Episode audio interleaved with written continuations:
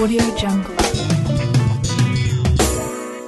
So, uh, you know, I'll leave you with this that I have Gonzaga and North Carolina in the final, and those are my teams that I picked, and I hope they win because if that happens, I beat my brother, who, you know, everyone loves a good uh, rivalry with their own flesh and blood.